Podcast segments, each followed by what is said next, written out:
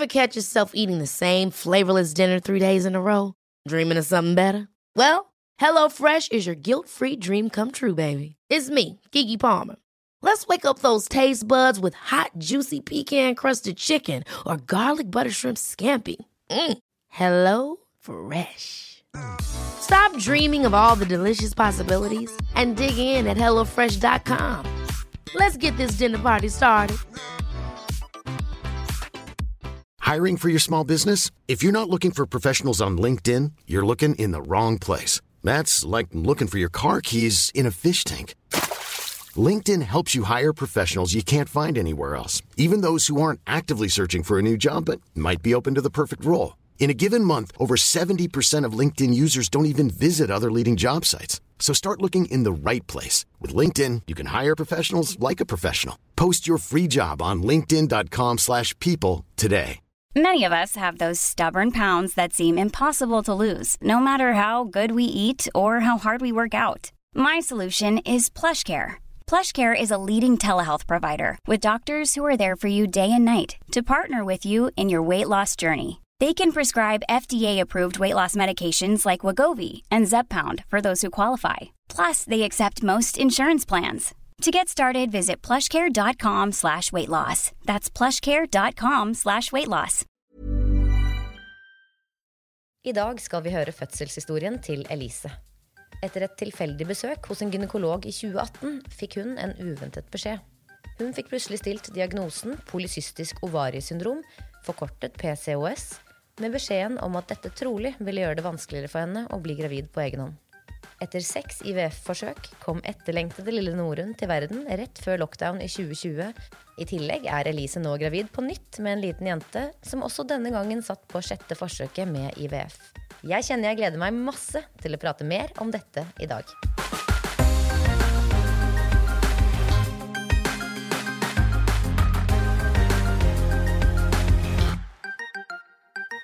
Hei, Elise. Hallo, Silje. Vanligvis så er jo du min eh, medprogramleder her i Fødepodden, men i dag så har du rett og slett eh, tatt plass i eh, gjestesetet. Det stemmer. Jeg sitter veldig godt her også, egentlig. Altså. Ja, Og det er jo fordi vi tenkte at det kunne være fint å starte med en episode der hvor du forteller om din fødsel. Det er jo en litt fin måte å bli kjent med deg på også. Ja, og så tenker jeg at uh, Vi kan jo ikke forvente at uh, andre skal stille opp her og dele av uh, alt mulig rart hvis vi ikke er forberedt på å gjøre det selv. Så det, det gjør jeg med glede. Ja. Jeg har litt lyst til å starte der hvor det hele startet, faktisk. Som er den tiden hvor man det plutselig begynner å gå litt opp for en at ok, men skulle man begynt å tenke på, på barn? Er det noe vi har lyst på nå? Hvordan var det for deg i starten? Var det sånn at du bare fikk eh, en sånn urkraft over deg? Men sånn, nå må jeg bare få barn? Eller var du litt, eh, kom det litt sånn sakte, men sikkert? Eller hvordan, hvordan startet det for deg? Ja, nå har nok jeg alltid vært eh, ekstremt eh, opp... Hva skal jeg si? Jeg har liksom alltid hatt et ideal om å være ung mor, da.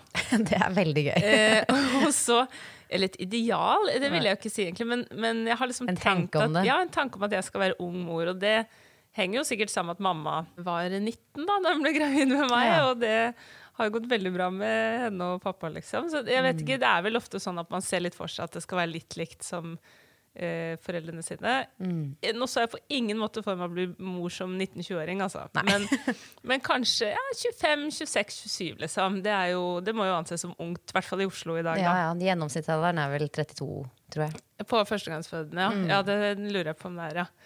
Eh, så da Ja. Og så hadde jeg liksom alltid kjæreste og vel, alltid vært veldig sånn kjæreste-familieorientert, da, på en måte.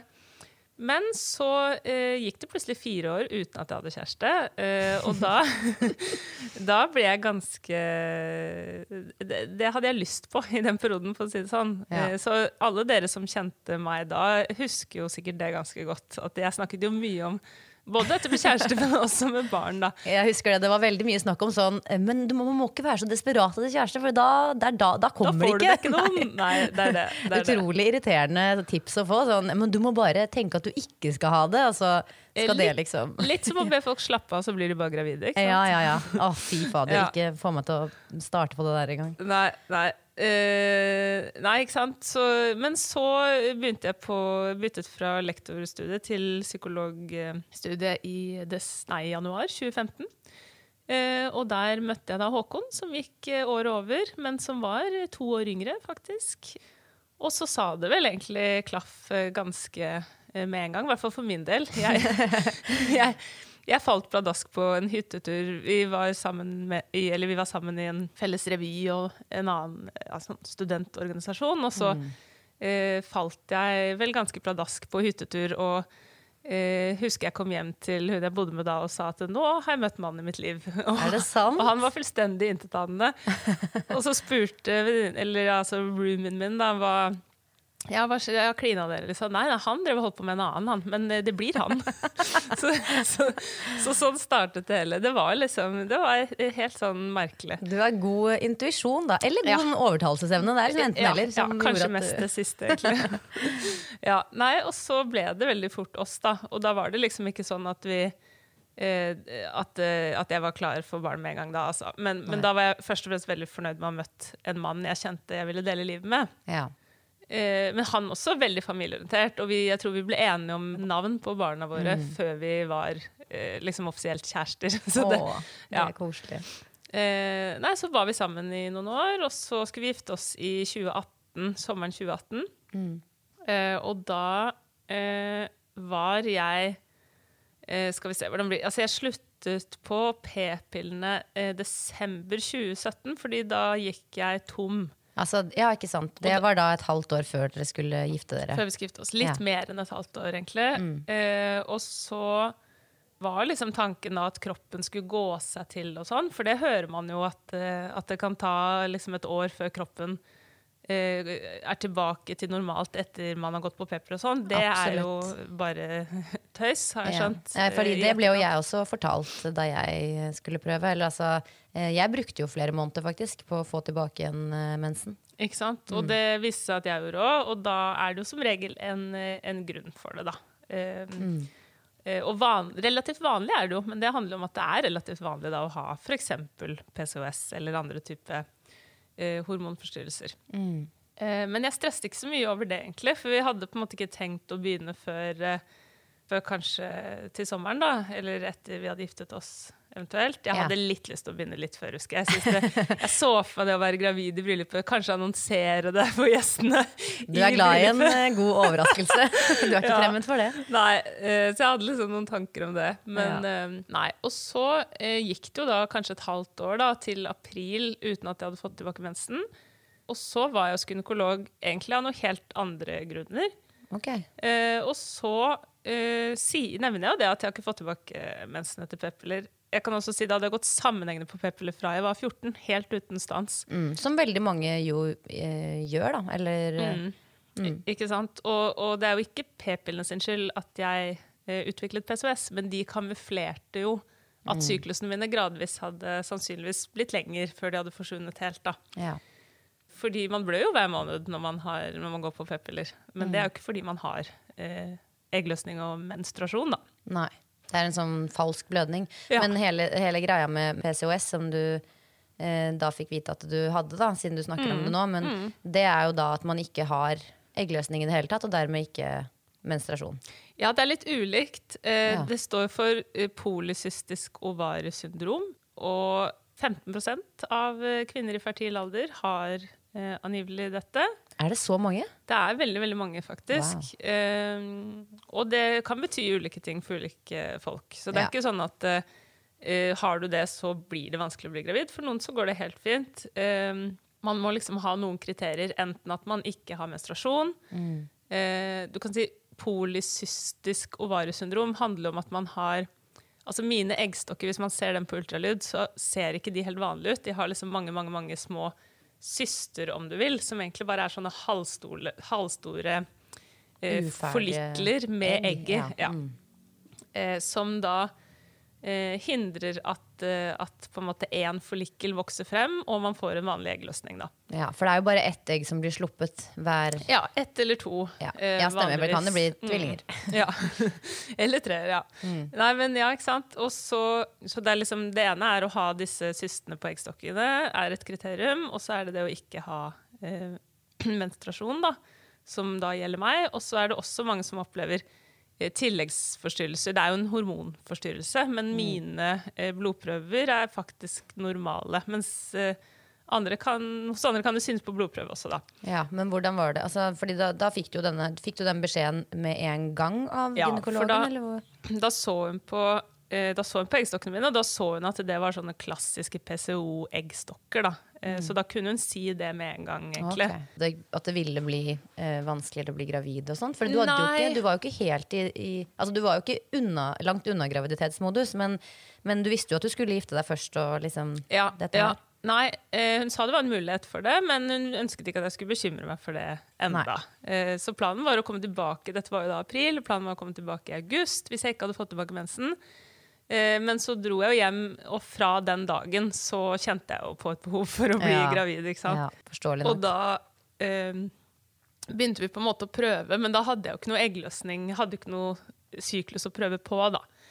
Så da, etter eh, kanskje en måned til, med liksom, jeg tok en ny graviditetstest hver dag, for jeg visste ikke om jeg hadde hatt eggløsning, eller ja, så ringte jeg og liksom gråt meg til en ny time.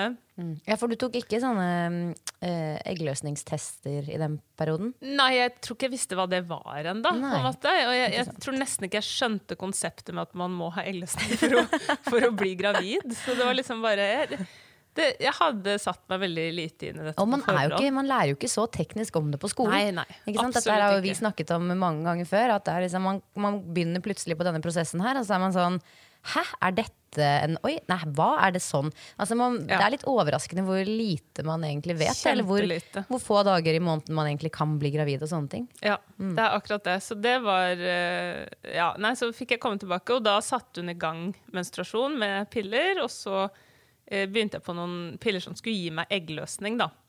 Okay. Eh, men eh, så funket ikke det med en gang. Så, ja, så vi, vi var ganske langt ute i august før jeg fikk da min første eggløsning. Og du kan si, da var jo det på en måte første forsøket vårt, men jeg hadde jo da allerede gått ganske lenge og vært eh, ganske klar.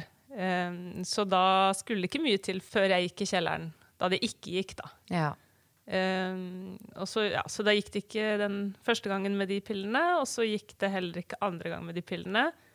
Og da henviste gynekologen vår faktisk oss til IVF, altså prøverør, Ja. uh, allerede da. Uh, Som er ganske tidlig, egentlig. Det er veldig tidlig. Mm, sammenlignet med hva uh, man ofte blir anbefalt å vente. Og mange får, finner jo ikke ut av at de har et problem før det har gått hvert fall et år. Fordi det skal jo liksom et år til med prøving før man kan ta det videre, som på gjennomsnitt. Ikke sant? Og det er jo det vi blir fortalt, på en måte, at man skal prøve opp til et år. Mm.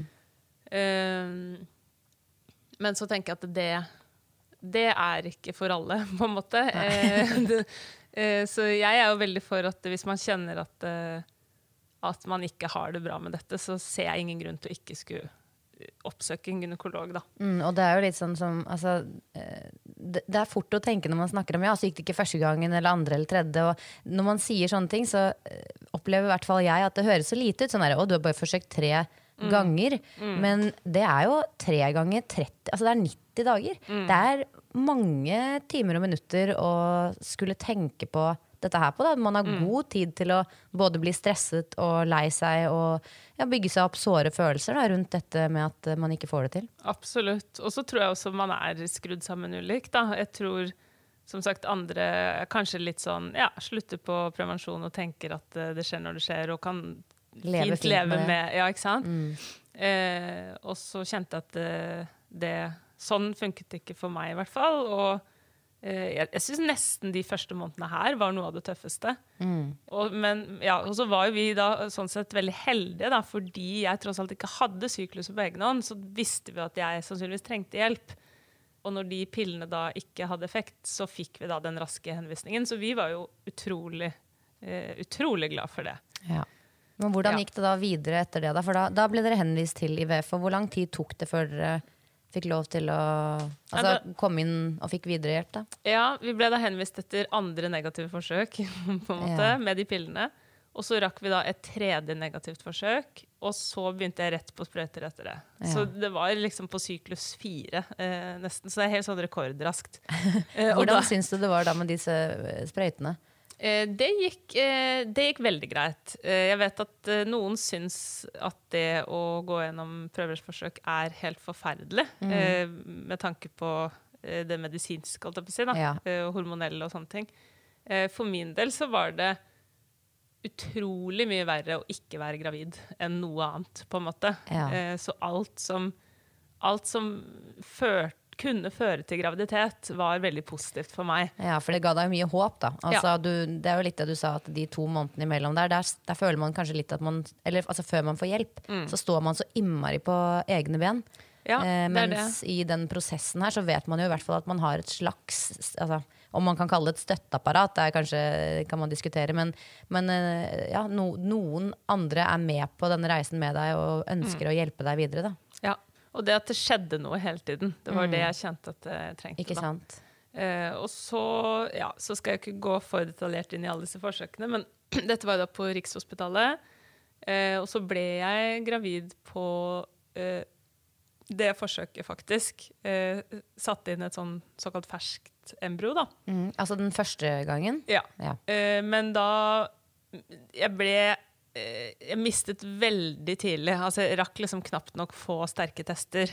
Ja, altså en slags kjemisk eh, Ja, graviditet. kjemisk da. graviditet kalles det. Og så fikk vi vel syv embryoer på frys, og det er jo veldig, veldig bra. Vi fikk ut, eller jeg fikk ut 30 egg, faktisk. Oi, oi, oi. Eh, som, er, som er mye, da. Ja.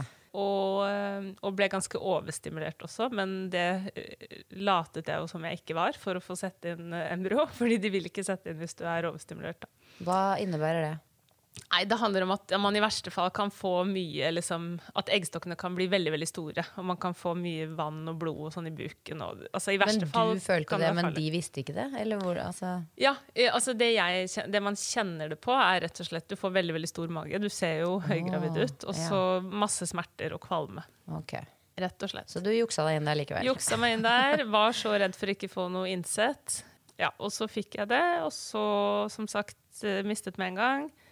Og så var det litt sånn venteperioder da, mellom disse For da kunne vi sette inn de embryoene vi hadde på frys. Mm.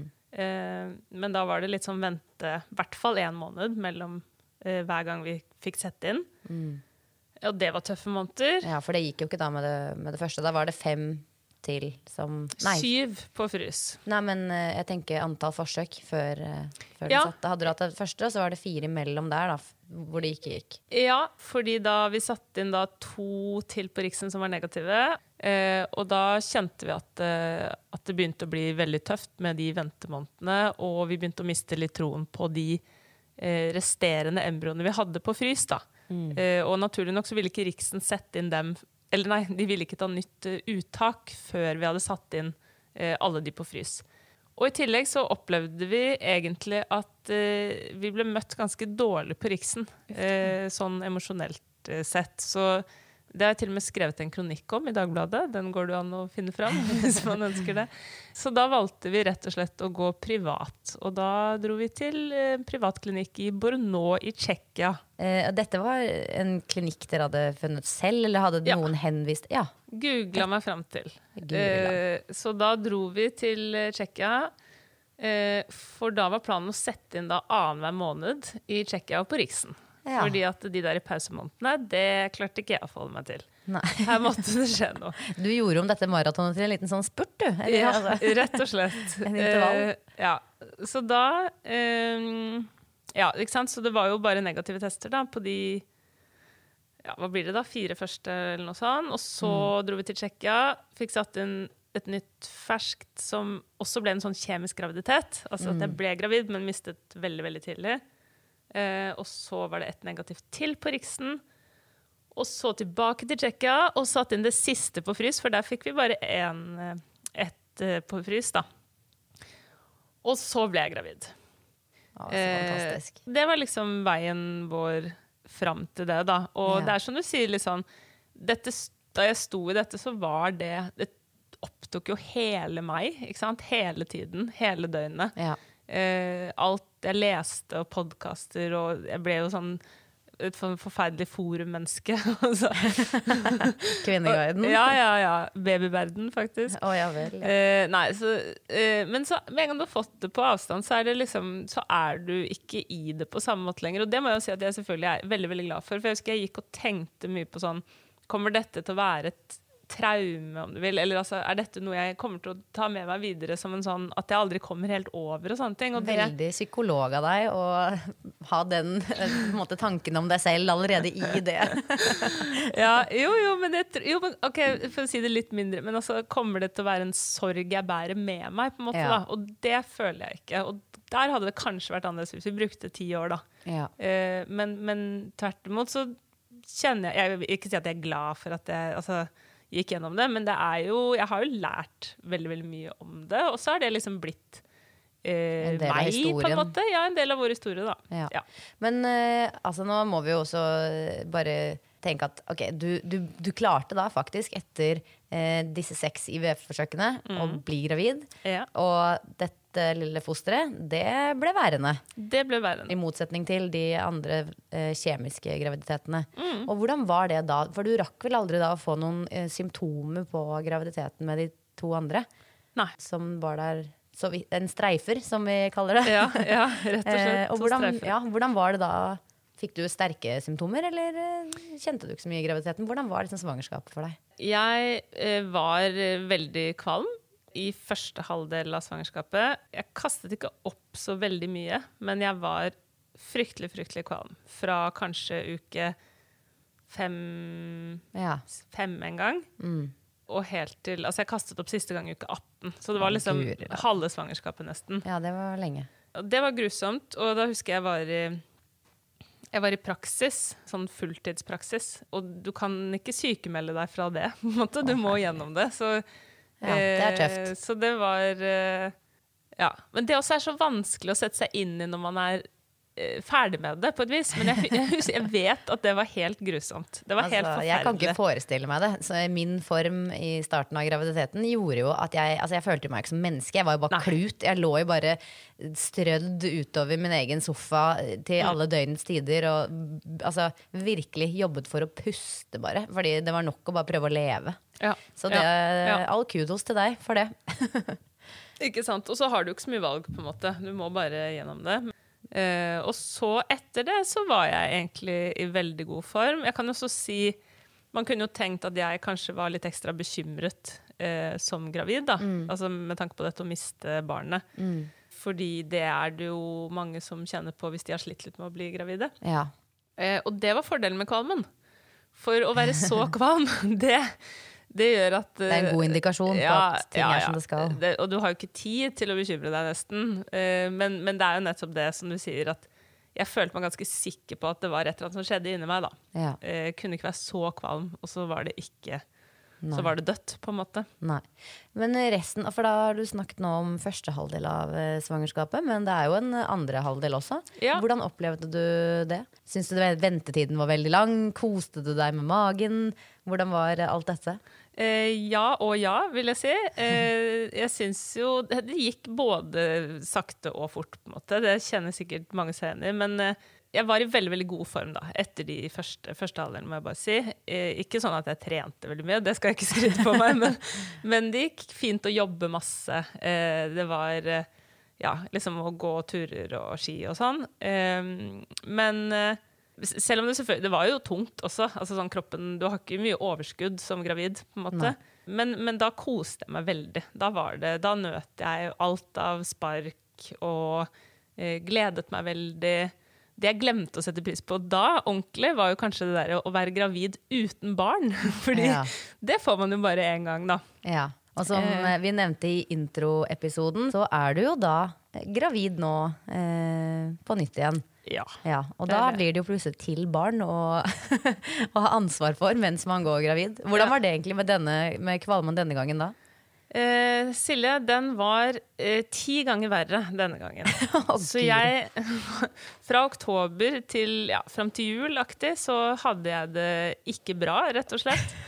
Og var stort sett sykemeldt og lå på sofaen og syntes fryktelig synd på meg selv. Ja. Eh, og det som du sier da, å ha et barn i tillegg, sånn at du konstant har litt dårlig samvittighet for at du bare ikke er mor. Altså, pappaen Håkon måtte jo levere og hente og rydde og altså alt, ikke sant? Eh, all kudos til han for det, men, eh, men det, var, eh, det, det var ikke noe gøy. Og jeg kjente at det gjorde noe med hodet mitt også, på en måte. At Ja. det, jeg ble i tvil om alt. Sånn, Ja. vil, vil jeg virkelig ha et barn til? Liksom, og det vil jeg jo. Men, Ja, fordi man bare er så sliten, man har ikke noe overskudd. Det er ikke plass til noe annet Det er ikke plass til noe. Alt Nei. blir negativt. Jeg tror for meg også det å være sykemeldt er helt sånn Jeg blir ordentlig nedstemt av det, da.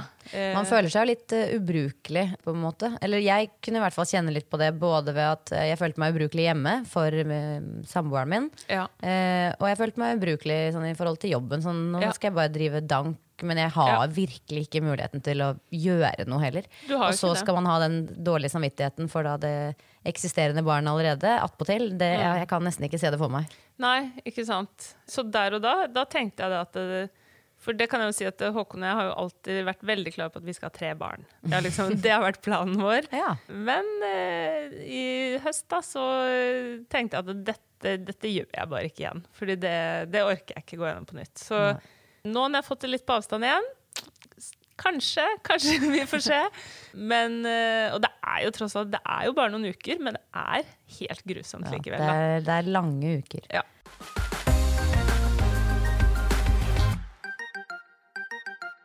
Men eh, hvordan var tankene dine om fødsel første gangen, da?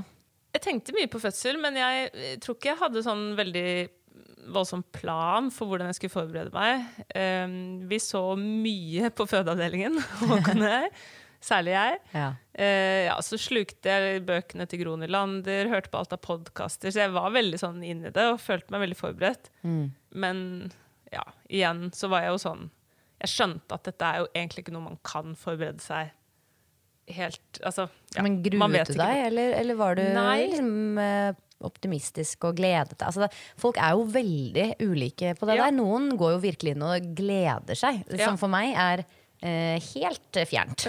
ja, jeg tror eh, jeg, jeg vil si begge deler, eller verken eller. Altså, jeg tror ikke Jeg gledet meg nok mer enn jeg Nei, jeg, jeg, vet du hva? Jeg syns det er vanskelig å huske. Ja. Men jeg tror jeg hadde et litt nøytralt forhold til det, kanskje. ja. Jeg syns det var noe spennende. Jeg gledet meg til å møte henne og sånn. Eh, men men eh, jeg, jeg tror jeg skjønte at det var for sykt at jeg kunne Ta det innover deg. Ja, ta det innover meg. Ja. Og så var det jo sånn at akkurat idet jeg skulle gå ordentlig inn for å øve på pusteteknikker, for det hadde jeg skjønt var lurt, så gikk plutselig vannet, da. Litt uventet. I Mm. Oi, oi, oi. 37 pluss 4. Så det var ikke kjempetidlig. Men det var jo liksom, jeg skulle jo bruke de Jeg skulle ut i perm og bruke de siste tre ukene på virkelig gå inn i de pusteøvelsene, da. ja. Og da gikk vannet. så det rakk jeg liksom aldri. da gikk vannet plutselig. Og hvor, eh, hvor gikk den? Var du hjemme eller var du ute, eller? Jeg var hjemme Jeg kan si på eh, dette var på en søndag, også på fredagen så gikk slimproppen, altså 37 pluss 2, da. Ja, det er jo ikke alle som merker at den går. og Det er jo ikke alltid Nei. den går før heller. Nei, og det er ikke alltid det betyr at fødselen skal starte med en gang heller. Så Nei. det er klart, Men med en gang den gikk, så ble jeg jo helt sånn Å, herregud, nå skjer det! Og Google det. Det var jo helt sånn. Ja. Eh, og så var jeg også faktisk sendt til sånn vekstkontroll dagen før. Eh, ja, jeg, jeg husker ikke helt rekkefølgen her nå, men vi visste at hun var ganske liten av vekst. Ja. Um, ikke noe sånn farlig, på en måte, eller vi var ikke kjempebekymret, men det, var liksom, det skjedde så mye på Plutselig fikk vi vite oi, hun er liten, og så gikk slimproppen, og, Ja. eh, og så gikk den bare mer og mer gjennom den helgen. Og så på søndagen, som da var kvinnedagen, eh, så var, gikk jeg i tog, og jeg var på lunsj med noen venner eh, og litt sånn. Og så bestilte Håkon og jeg Dominos på kvelden, og i Viktig det, detalj. viktig detalj. Og idet vi skulle sette oss ned, eh, så måtte jeg bare på do først. Ja. Og så eh, satt jeg og tisset, og så bare sluttet jeg ikke å tisse. Nei. Så det var aldri noe sånn knepp, og så fosset det, sånn som folk Ok, ja, fordi sånn var det for meg. Ja, ikke sant? Den, Det var det ikke. Det var rett og slett Jeg tissa, og så bare sluttet jeg ikke å tisse. Og så måtte jeg rope på Håkon, så måtte han komme og se. Jeg bare, Tror du dette er tiss? Jeg skjønner ingenting. For en merkelig følelse. Det var kjemperart. Det var kjemperart. Og du kjente ikke noe forskjell på en måte på sånn dette kommer fra Nei, Urin. ikke helt. Jeg trodde jo det var litt forskjell, men det som var rart, skjønner du, Silje, var at vi hadde vært inne på Ullevål Jeg skulle føde på Ullevål, da. Mm. Eh, og vi hadde vært inne der tidligere på dagen fordi jeg lurte på om det lakk fostervann fordi det var såpass vått. Okay. I forbindelse med den slimproppen og sånn. Ja. Og de sier da til meg her er det ingen tegn på at det lekker fostervann. Nei, oi, så. Og hvor rart er det ikke da at vi drar hjem, og så bare noen timer senere eh, På 37 pluss 4 Jeg hadde skjønt det hvis det var noen dager over termin. på en måte Ja. Eh, så liksom skjedde dette. Så, så vi var litt sånn Nå kan vi ikke dra tilbake til Ullevål igjen. Eh, Man føler jo litt at man ikke kan komme her og komme her når folk har en utdanning og kan faget sitt. ja, Liksom. ja, ja, Mm. ja. Og så var vi faktisk litt i tvil. Men, eh, men så tror jeg det samme skjedde igjen ca. 20 minutter senere. Så da eh, Ja. Så vi, vi ringte i hvert fall fødeavdelingen eh, til slutt. Ja. Og så sa de ja, da må, du, da må dere komme inn innen åtte timer, eller hva det var, tolv timer. Altså et eller annet sånt. Så vi fant ut vi skulle dra den kvelden, da. Ja. Så da var det å pakke ferdig fødebagen i all hu og hast. Som man selvfølgelig aldri har pakket uh, så tidlig. Å jo da, den var ganske ferdig. oh, ja, okay, altså, ja, ja, ja. de, ja. Førstegangsfødende er jo ofte har den klar i uke 32, har det Ja, ikke det? jeg da? hadde en tanke om at jeg skulle være klar så tidlig, men Ja. eh, jeg syns liksom den ble liggende så i veien, så jeg pakket jo også etter at vannet hadde gått. Ja, ja, og bamsemomsen og sånn lå jo i kjøleskapet, så det var liksom noen siste greier som måtte opp. Ja, Maten hadde jeg kjøpt inn. Altså, jeg, jeg er jo et matvrak, så det, det var liksom på plass. Ja, ja, ja. Nei, og så husker jeg vi var veldig da sånn Vi spiste jo da denne Domino's-pizzaen og var veldig sånn Og nå spiser vi det siste måltidet, og alle sier det er så viktig å spise mye og sånn. Ja. Eh, ja. La oss bare si at det, det skulle fortsatt ta sin tid før den ungen var ute. så da, ja, så vi dro inn der, eh, fikk beskjed om at eh, eh, vi skulle dra hjem. Ikke sant? Alt var fint. Eh, de sjekket sånn eh, Er det CTG det heter? Ja. Ja. Hjertelyd og sånn. Eh, dro hjem, skulle vente på rier. Eh, og så kom det noen slags rier. Jeg skjønner jo da i etterkant at eh, det, det var nok sånne Hva heter det? Sånn latensfase. Ja, modningsrier. Ja. ja. Og så den kvelden så la vi oss, og så tror jeg vi dro inn Så dro vi inn igjen på natten, for da tenkte jeg at nå er fødselen i gang. Nå Mm. er det Nå skjer det. Ja, for da hadde jeg noen slags rier, da, med sånn fem-ti minutters mellomrom, kanskje. Ja. Hvordan, og de var, du klarte å puste deg gjennom og sånt? Du hadde Ja, ikke ja, fått ja. øvd på disse puste... Nei, men dette, enn så lenge er vi på litt sterke menssmerter-nivå, på en måte. Ikke sant? Eh, så, så helt overkommelig. Men jeg visste jo ikke hva jeg gikk til, så jeg tenkte at jøss, jøss, kanskje dette Kanskje jeg bare er heldig at Mm. eh, dette er det vi skal gjennom. Eh, og så, og igjen, da husker jeg på natten, ikke sant. Da Si at de kom med fem minutters mellomrom, da, og så var det liksom OK, nå venter vi så lenge som mulig, og så drar vi inn. Eh, og så husker jeg jeg tok en lang dusj, og igjen spiste det siste måltidet. tok med fødebagen enda en gang og gjorde oss klare. Og så kom vi inn, og så var det bare nei, her er det én centimeter åpning. Ikke noe Ja, dere må hjem Åh, igjen. den beskjeden der. Ja, og da, ikke sant? Jeg, men jeg, jeg var på en måte forberedt på det, så jeg, jeg husker det ikke som sånn tidenes nederlag. Okay, ok, Eh, for jeg har hørt så mange som har held, altså Takket være da podkaster og andre ting Vennegjenger. om fødselshistorier, venn, venner, ja. Eh, så visste jeg jo veldig godt at det var en mulighet. Um, så det var liksom ikke Det var ikke verdens undergang, men det var litt kjipt. For da hadde vi vært inne på Ullevål tre ganger da, siste døgnet. Eh, og så dro vi hjem, og da fikk jeg med meg smertestillende og sånn. Og så sovnet jeg jo greit. Og da dagen etter så dabbet riene av, rett og slett. Mom deserves the best, and there's no better place to shop for Mother's Day than Whole Foods Market. They're your destination for unbeatable savings, from premium gifts to show-stopping flowers and irresistible desserts. Start by saving 33% with Prime on all body care and candles. Then get a 15-stem bunch of tulips for just $9.99 each with Prime. Round out Mom's menu with festive rosé, irresistible berry chantilly cake, and more special treats. Come celebrate Mother's Day at Whole Foods Market. Ever catch yourself eating the same flavorless dinner three days in a row? Dreaming of something better? Well, HelloFresh is your guilt-free dream come true, baby. It's me, Kiki Palmer. Let's wake up those taste buds with hot, juicy pecan-crusted chicken or garlic butter shrimp scampi. Mm. Hello Fresh. Stop dreaming of all the delicious possibilities and dig in at HelloFresh.com. Let's get this dinner party started.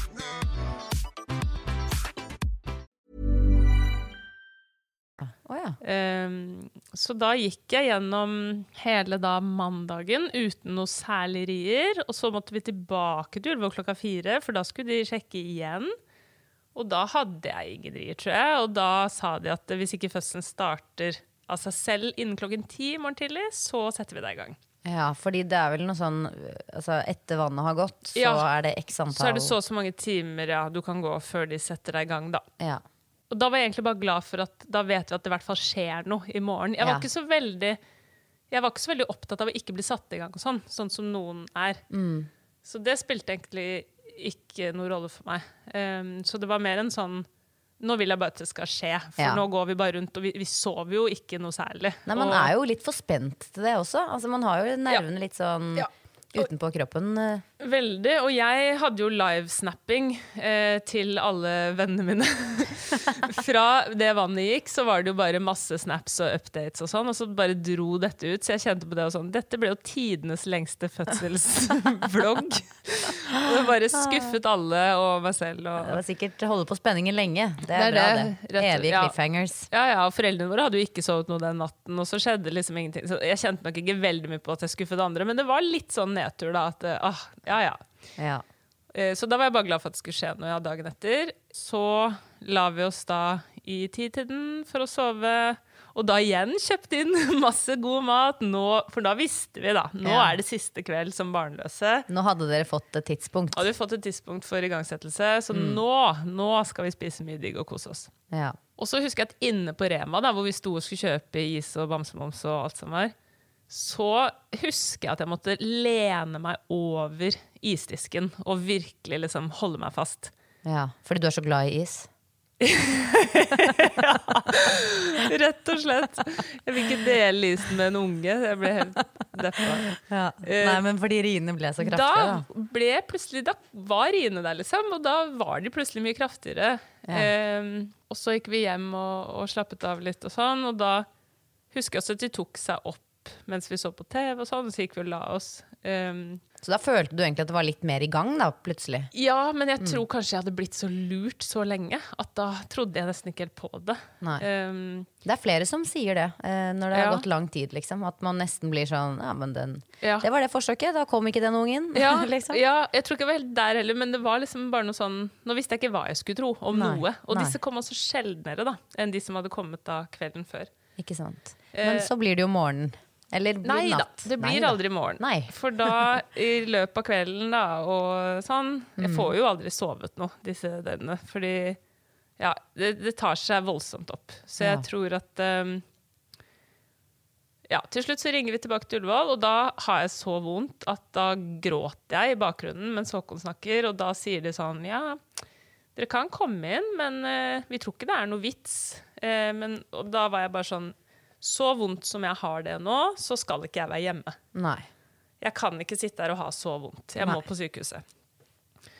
Eh, og så det, For det var fort sånn 10-13, kanskje 15 minutter mellom riene. Varierte litt. Ja. Men det må jeg bare si, det ble jo aldri Jeg fikk aldri tettere rier gjennom Nei. hele fødselen. Er det sant? Fordi det er jo ofte den indikasjonen er det det de som man blir bedt om å følge. på en måte. Sånn, ok, Ja. Er det tre minutter eh, eh, mellom hver ri. Ok, ja, men da vet er man det. virkelig at det det er, er det. Mm. de ville ha tre rier i løpet av ti minutter, som varte så og så lenge. Nei, mine varte sjukt lenge. Ja. Sånn to-tre minutter, men med langt mellomrom, da. Ja. Eh, ja, så da var vi på Ullevål i ett-tiden, og så fikk vi heldigvis ganske raskt. Og da satt jeg alene inne på det liksom venterommet der. Og husker jeg bare ropte etter epidural, på en måte. Altså, så da, da var det helt ekstremt vondt. Utholdelig. Ja. Ja. Og så heldigvis så så de jo det, på en måte. Så da fikk vi fødestue. Uh, Uten at du ble sjekket først? Nei, jeg ble nok kanskje sjekket Jeg hadde to-tre centimeter der nede, tror jeg. Ja. og så en time senere, tror jeg, så var vi på fødestue, og da hadde jeg fire centimeter. Ikke sant. Så da var vi liksom i gang. Ja. Eh, Derfra gikk det ganske radig, da, for da fikk jeg jo satt epidural, og så en time senere så hadde jeg 9 slash 10 cm åpning, altså full åpning. Å, herlighet. Hvordan var egentlig tankene dine om eh, epidural og sånne ting? Hadde du på forhånd liksom bestemt deg for om du skulle ha smertelindring og sånt? Jeg hadde vel kanskje som mange andre eh, en liten tanke om at sånn Kanskje jeg klarer meg uten epidural. Men, Ja. men det var liksom aldri noe Det er ikke snakk om det da det først sto på? Nei, Nei. absolutt ikke. Um, og det var jo også sånn at uh, de satte epiduralen, og så satte de også sånn kanyle i hånden, Uh, for de vil jo følge med på blodtrykket, eh, som kan bli lavt da, når man setter eh, epidural. Eh, og så satte de den kanylen feil, men jeg bare sier, Det var forferdelig vondt. Og der hadde jeg vondt i flere uker etterpå. Er det sant? Ja, så det var faktisk Nei, men kjempeirriterende. Eh, men så eh, Og så setter de denne epiduralen, og Mm. så kjenner jeg bare at å, fy fader, nå forsvinner jeg. Nå besvimer jeg. Og hel, altså sånn, blodtrykket stuper. Oi. Og så spør de liksom ja, går det bra, føler du deg svimmel? Og så kjenner jeg bare sånn jeg må lyve. Jeg kan ikke si at jeg er svimmel, for da tar de epiduralen. Og jeg visste ikke, jeg tenkte sånn, kanskje man kan dø av dette, det vet jeg ikke, men det er ikke så farlig. Man blir litt gal i gjerningsøyeblikket her Ja, når man det. har så vondt, altså. Jeg kjente sånn, da får jeg heller bare ta Da får jeg heller bare dø. Men jeg liker at dette er andre gangen min. hvor du på en måte har bare eh, Løyet deg litt. Ja, det er bra jeg jobber i spesialisthelsetjenesten selv. Eh, nei, så da uh, var det liksom eh, Ja, det det var helt uh, fryktelig. Men de må, Det var jo åpenbart uh, fulgte jo nøye med, så de får det jo opp på skjermen. Oi, du har jo kjempelavt blodtrykk! Så de fikk jo fiksa det, da, uten å ta epiduralen. Uh, ja, og, da, og så var det plutselig full åpning, og da husker jeg ble litt sånn irritert, for nå skulle jeg endelig slappe av med den epiduralen. For det må jo sies, den fjernet jo alt av smerte. Det var helt, Plutselig var jeg meg selv igjen. Det var jo helt sånn Helt uh, at det går an, på en måte. Uh, og da kunne jeg sende snap igjen. Og liksom Tilbake igjen på Story. ja. uh, og liksom Yes, nå skjer det ting. Nå er det full åpning. Men så var hun litt langt opp, så det tok litt lang tid å få henne helt ned. Ja, For du hadde ikke pressrier da på dette tidspunktet? Nei, og vet du hva? Jeg tror jeg vet fortsatt ikke helt hva pressrier er. Oh, ja. Jeg har aldri kjent på den der trykketrangen som folk snakker om. Nei. Og om det er epiduralen, eller om det er eh, liksom at hun var så langt opp, eller noe. Ja. Altså, jeg har hørt flere førstegangsfødende si det. på en Ja, det er ikke første gangen jeg heller har hørt det. Altså. det Nei, men, eh, det så det, ikke... så, men aner ikke hvorfor det var sånn. Eh, men eh, ja, så vi brukte liksom to timer til på å prøve å få henne ned i bekken. husker jeg. Eh, og da gikk det gradvis over fra å være smertefritt til å bli vondere og vondere og vondere igjen. da. ja, fordi de fjernet den, eller fordi det bare Da jeg funket vet ikke, Jeg vet ikke. Jeg turte ikke spørre Silje. Fordi at jeg tenkte at hvis jeg får beskjed om at jeg har tatt den bort, så er jeg så redd for det. Altså sånn fjerne den placeboeffekten, eventuelt. da. Så jeg bare sånn, jeg må bare tenke at den er der. Man? Jeg er nok er en gang merkelig. veldig imponert over at du klarer på en måte å eh, ha den tanken simultant i hodet samtidig som du altså sånn, Det er en sånn det metagreie over det. Jo, men jeg vil bare ikke vite fordi placebo er altså, Hvem er det som klarer å ha Jo, men jeg tror ikke jeg tenkte tanken? så langt. Jeg tror Det er noe jeg tenkte etterpå. Det Ja. var mer sånn instinkt. altså. Helt sånn der, jeg, jeg, jeg tør ikke spørre om det, for jeg tør ikke vite. på en måte. Jeg, jeg måtte bare klamre bare meg fast at den var der. Ja. Så skulle jeg begynne å presse, da, og så tok det ganske lang tid. Hun var liksom fortsatt litt ikke helt nede. Eh, så de sier jo man har liksom en grense på én time Mm. pressing. Og så tok det 1 time og 16 minutter, så da sto de jo klare med sugekopp og sånn, men Ja. så slapp liksom akkurat det, da. Ja. Eh, og selve pressingen, den eh, var også fryktelig. Der er det jo noen som sier at de ikke kjenner så mye. Eh, det gjorde jeg. Ja. Eh, så det var eh, Jeg syns det er vanskelig å svare på hva jeg syns var verst. da Om det var åpningsriene eller dette. For jeg, begge deler var så ekstremt vondt at det liksom Ja, det, det går ikke an å forestille seg. Nei, og det er, jo, det er jo to litt ulike typer smerter. Så det Ja, er jo ja, også derfor det det er er eh, vanskelig å Ja, det er Mm. akkurat det. Nei, og så, og så kom hun ut, og så husker jeg den første jeg tenkte var at hun var veldig, veldig liten. Hun veide Ja, du tenkte det, ja. så hun var jo ikke undervektig, egentlig. Hun var liksom helt i nedre normal. Men jeg husker, det var det første jeg sa. sånn, Hun er veldig liten. Og så fikk jeg ikke den der følelsen som folk snakker om med å, så mye kjærlighet. Og noen sier at de får litt energi når hun er ute og sånn. Ja. Eller når babyen er ute. Det jeg hadde null energi, Silje. Jeg var litt likegyldig til den babyen, egentlig. Jeg var bare Jeg, jeg tenkte bare på én ting, og det var å få sove. Ja, men nå skal det jo sies Søvn også og da at du, du har jo da gått mange dager, egentlig, altså netter uten eh, ordentlig god søvn, fordi Ja. Mm. det tok så lang tid. Så det er jo ikke rart at du var fullstendig kaputt. Nei, nei, det var jo ikke det.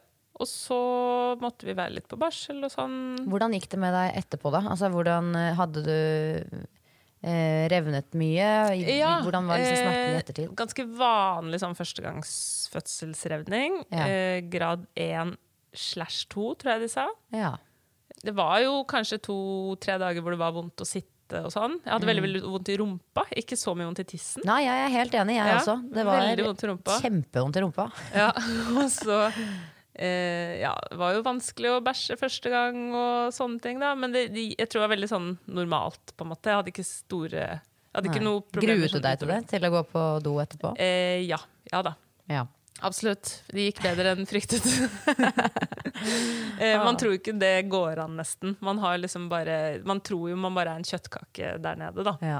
Eh, ja. Nei, så det var ganske sånn normalt. Og så kom vi oss ganske raskt på barselhotellet på Ullevål og fikk god oppfølging der. og sånn, Så vi var veldig heldige. Vi, vi hadde ikke den følelsen av eh, å, bli, å få dårlig oppfølging på barsel. Nei. Og vi hadde jo også litt flaks, fordi hun kom jo da nesten tre uker før termin. Og dette var da 10. mars kom hun 2020. Ah, Så hun kom før. to dager før det smalt, og Norge stengte ned. Mm. Eh, så vi slapp jo på en måte den verste kaotiske Ja, vi, vi følte oss veldig heldige da i ettertid. Mm. Ikke sant? At hun, hun rakk å komme rett før det Håkon eventuelt ikke kunne vært med. Og, ja.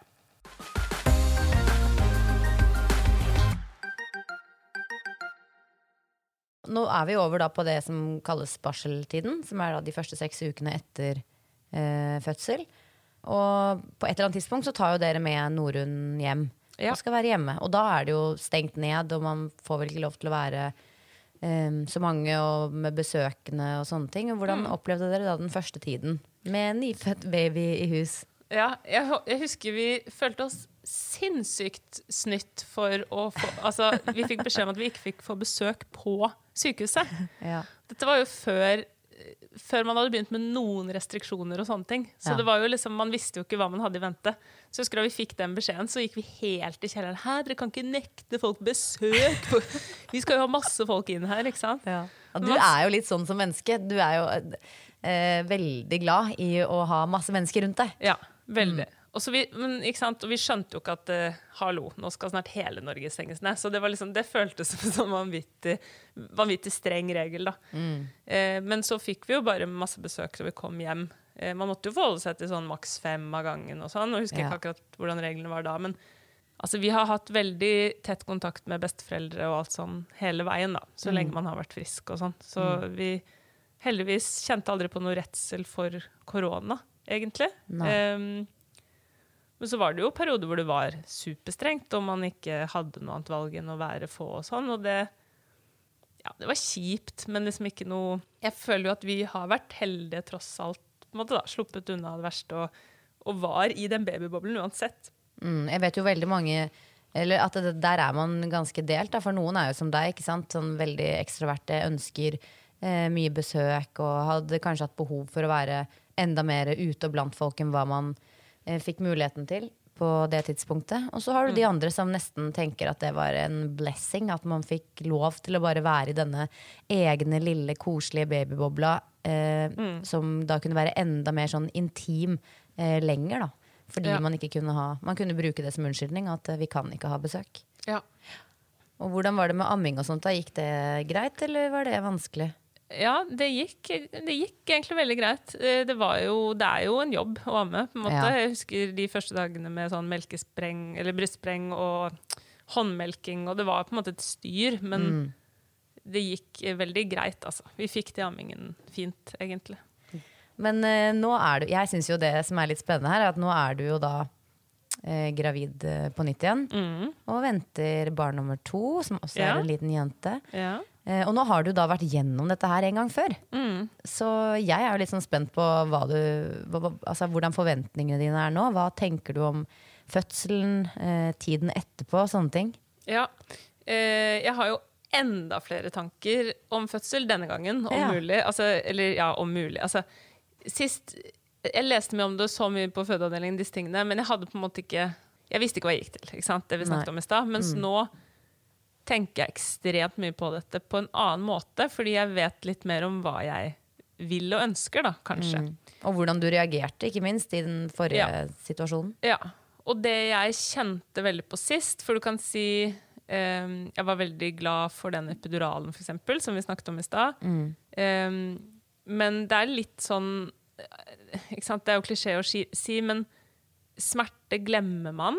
Eh, men så er det kanskje andre ting jeg sitter veldig igjen med, da, som jeg ikke eh, syns har vært så greit. Ja, for eksempel. Um, og det er eksempel at eh, jeg opplevde at eh, vi hadde først en jordmor, eh, og så en annen som tok imot. Da. Og hun som tok imot, var superfin.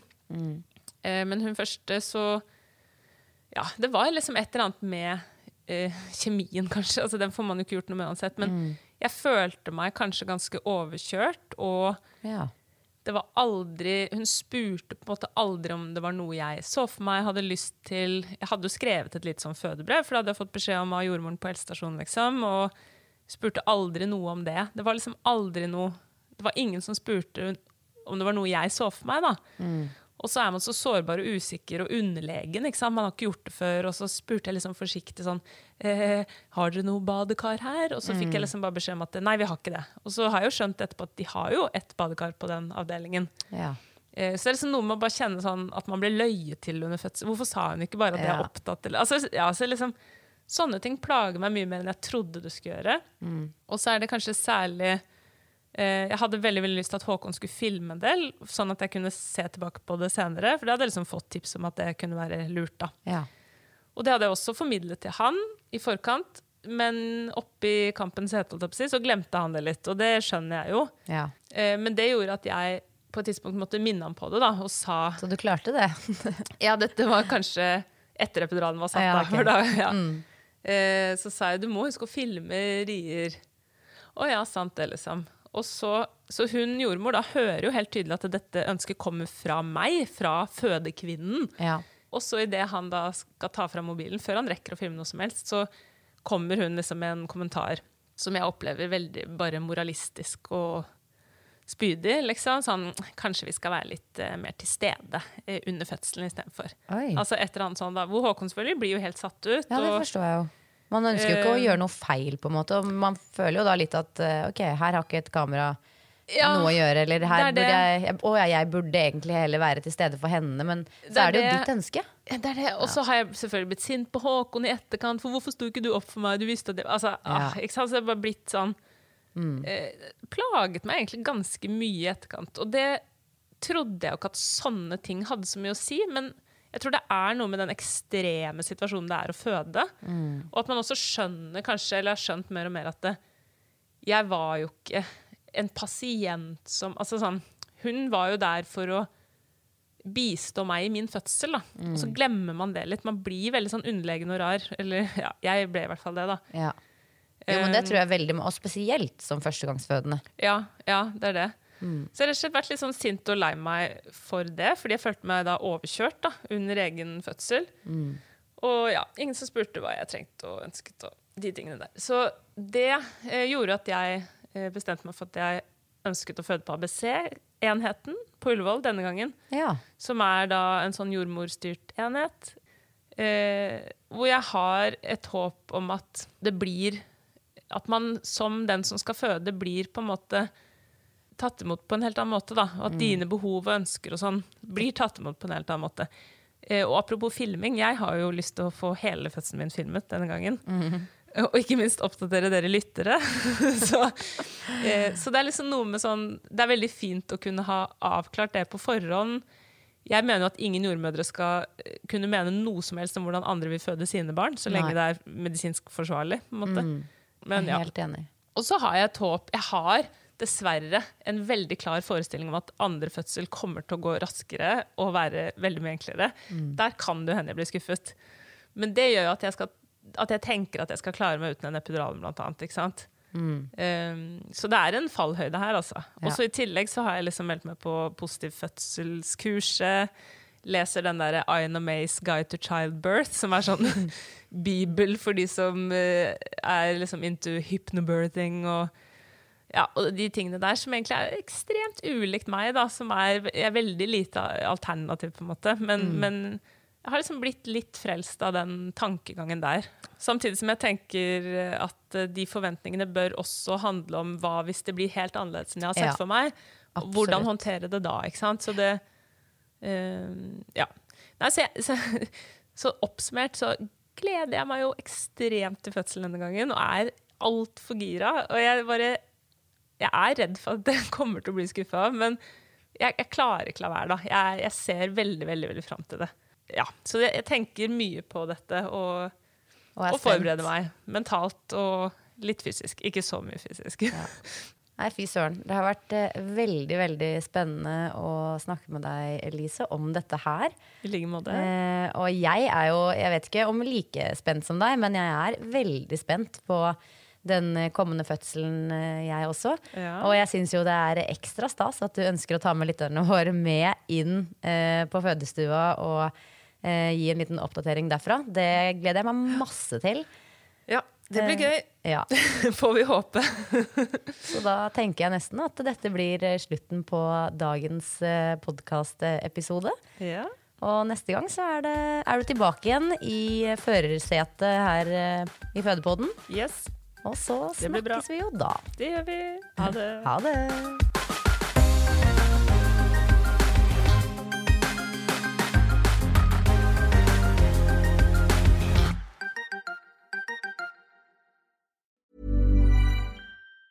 Ever catch yourself eating the same flavorless dinner three days in a row?